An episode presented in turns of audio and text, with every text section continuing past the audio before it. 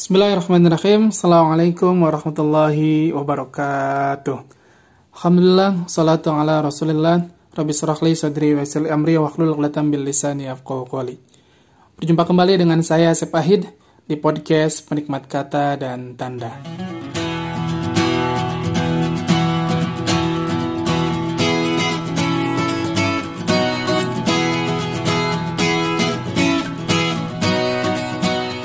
Teman-teman, pernah nggak kita berpikir betapa luasnya nestapa ini? Samudera yang biru terhampar, dua samudera biru yang membentang. Mungkinkah selembar daun mampu menutupi dunia? Telapak tangan ini saja tak mampu untuk ditutupinya. Tetapi saat mata ini yang tertutupi, bumi yang luas pun hilang seketika. Ternyata bukan bumi yang hilang, tapi pandangan kita yang tertutupi hanya oleh selembar daun. Begitupun dengan hati. Ketika hati ini tertutupi oleh kotoran dosa, samudra karunia pun tak nampak terbayang. Hati terasa sempit dan jauh dari rasa bahagia. Lisan luput dari syukur dan senyum pun hilang ditelan hujan air mata. Teman, jika bahagia bisa dibeli, maka sang miskin tak dapat mendapatinya. Bila bahagia adalah tempat, maka akan ada belahan bumi yang kosong karena semua berkumpul di sana. Tapi syukurlah, bahagia bukanlah itu.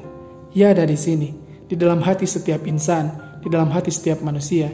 Ia tidak perlu dibeli ataupun dicari, cukup disadari dan disyukuri. Pernahkah kita sadar dan syukuri bahwa Allah Subhanahu wa taala telah menyampaikan bahwasanya tidakkah kamu perhatikan sesungguhnya Allah telah menundukkan untuk kepentinganmu apa yang ada di langit dan apa yang ada di bumi dan menyempurnakan untukmu nikmatnya lahir dan batin dan di antara manusia ada yang membantah tentang keesaan Allah tanpa ilmu pengetahuan atau petunjuk dan tanpa kitab yang memberi penerangan. Itulah terjemah Al-Quran Surat Luqman ayat ke-20. Telah Allah tundukkan semuanya untuk kita sebagai salah satu bentuk kenikmatan atas karunia dari Allah Subhanahu wa taala.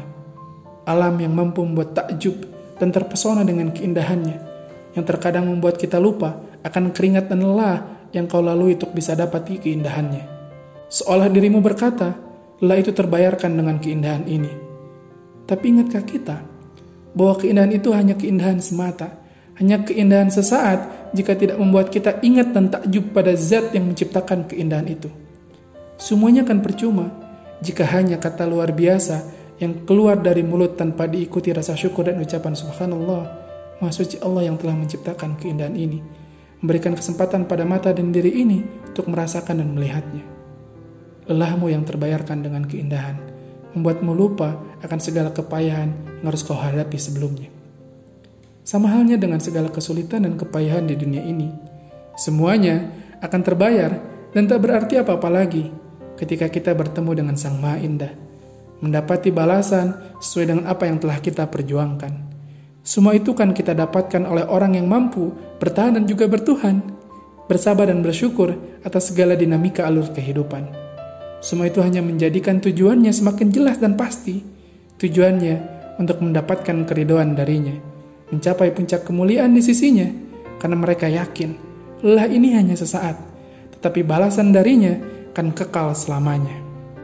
Sejarah pernah membelajarkan kepada kita bagaimana orang-orang terdahulu, orang-orang soleh terdahulu, para nabi dan juga rasul, mereka memanjat dan meraih kemuliaan dengan ketakwaan. Mari kita ingat Kisah ketika Nabi Ibrahim alaihissalam diminta oleh Robnya untuk meninggalkan sang istri dan anak di padang tandus. Lalu ketika sang anak tumbuh, kemudian ia diperintahkan untuk menyembelih sang anak tercinta. Atau ingatkah kita dengan kisah Ibunda Siti Hajar yang menerima seruan Allah untuk ditinggalkan dalam sebuah lembah tandus bersama Ismail dengan ketakwaannya? Ataukah mungkin kita ingat kisah Maryam yang rela terusir mendapatkan celaan ketika dititipkan seorang Isa alaihissalam dalam dirinya tanpa memiliki seorang suami. Atau juga barangkali kita perlu mengingat kisah ketika Nabi Muhammad SAW pergi ke Taif, lalu mendapatkan lemparan batu, hinaan, dan lain sebagainya, hingga harus bersembunyi di balik kebun. Lalu malaikat Jibril pun datang dan berkata, Ya Rasulullah, bila kau mau akan kutimpakan bukit Taif ini pada para penduduk yang telah menghinamu. Dengan lemah lembut Rasulullah SAW menjawab, Janganlah wahai Jibril. Sesungguhnya mereka tidak tahu akan apa yang telah mereka lakukan. Aku berdoa, semoga kelak akan ada generasi Islam dari penduduk kota ini. Tak ada yang lebih dalam selain hatimu, dan tak ada yang lebih luas selain pikiranmu, dan tak ada yang lebih tinggi selain ahlakmu. Semuanya memanjat dalam tebing ketakwaan. Teman-teman, bagaimanakah cara kita? Apa kunci agar kita bisa memiliki dunia ini?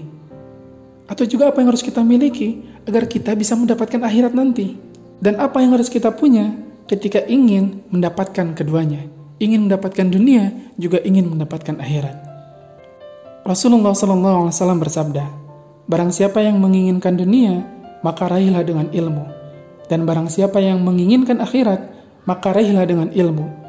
Dan barang siapa yang menginginkan keduanya, maka raihlah dengan ilmu. Ternyata ilmu menjadi kunci agar kita bisa mendapatkan dunia dan juga akhirat. Yuk mari kita menjadi pribadi pembelajar, selalu dan terus belajar, karena waktu yang kita miliki akan dimintai pertanggungjawaban.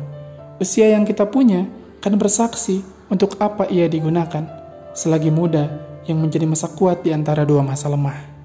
Dalam Al-Quran Surat Al-A'raf ayat 96 Allah Subhanahu Wa Taala menyampaikan Bismillahirrahmanirrahim Walau an ahlal qura amanu wattaqu la fatahna alaihim barakatim minas sama'i wal ard walakin kadzabu fa akhadnahum bima kanu yaksibun.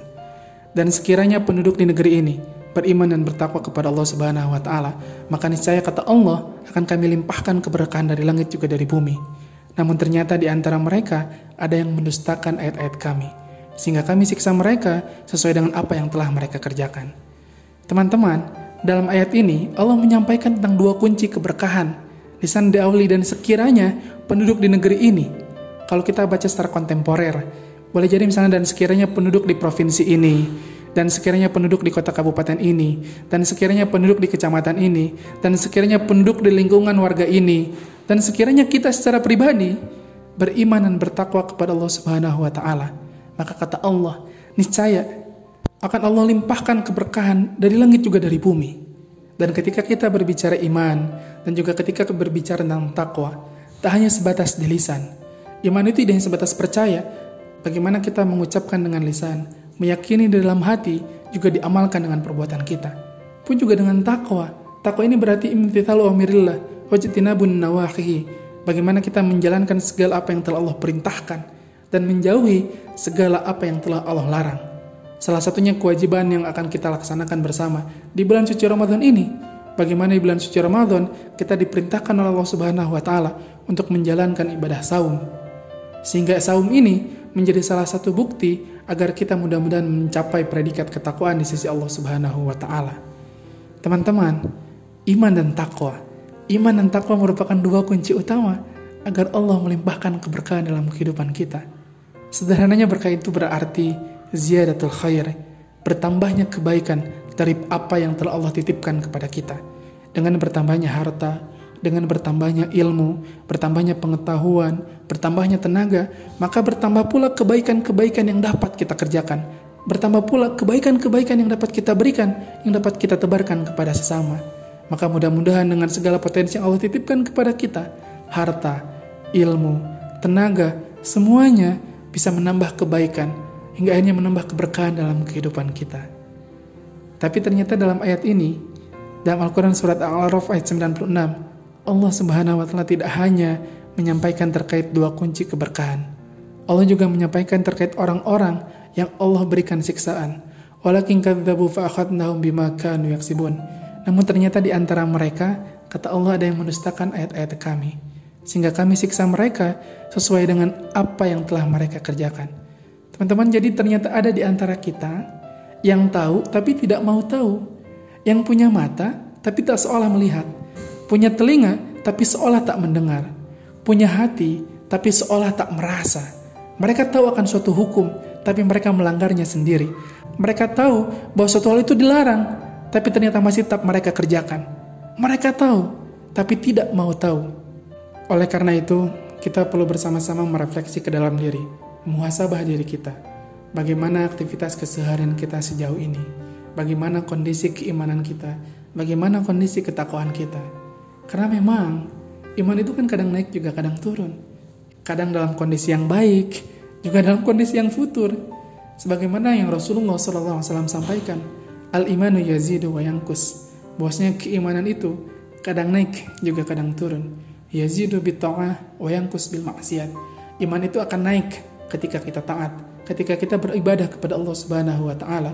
Wa yangkus bil maksiat dan keimanan itu akan turun ketika kita bermaksiat. Ketika sini kita berupaya untuk merefleksi ke dalam diri, mencoba melihat bagaimana kondisi keimanan kita.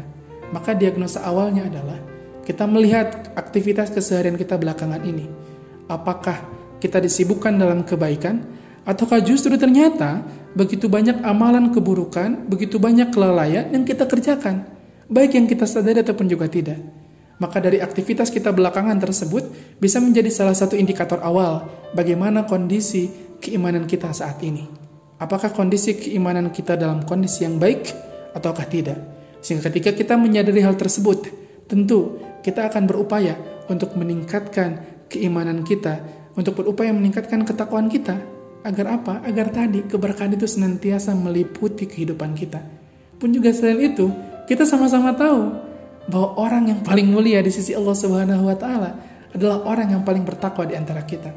Inna akramakum indallahi atqakum. Sesungguhnya orang yang paling mulia di sisi Allah Subhanahu wa taala adalah orang yang paling bertakwa di antara kita. Oleh karena itu teman-teman, mudah-mudahan Allah Subhanahu wa taala senantiasa memberikan kekuatan kepada kita semua dalam ketaatan kita memohon meminta kepada Allah Subhanahu wa taala agar kita, hati kita senantiasa ditetapkan dalam kebaikan, senantiasa ditetapkan dalam ketaatan. Kita berdoa kepada Allah Subhanahu wa taala, "Ya muqallibal qulub, tsabbit qulubana 'ala dinik wa ta'atik." Wahai zat yang membolak-balikan hati, tetapkanlah diri ini di agamamu dan juga dalam ketaatan. Mudah-mudahan Allah Subhanahu wa taala senantiasa menjaga kita, senantiasa membimbing kita agar kita terselamatkan di dunia pun juga terselamatkan di akhirat. Terima kasih untuk para pendengar setia yang telah sampai di ujung podcast ini. Mudah-mudahan Allah senantiasa menjaga kita bersama dalam ketaatan, keistiqomahan dalam ibadah kepada Allah Subhanahu wa taala. Terima kasih. Akhirul kalam. Assalamualaikum warahmatullahi wabarakatuh.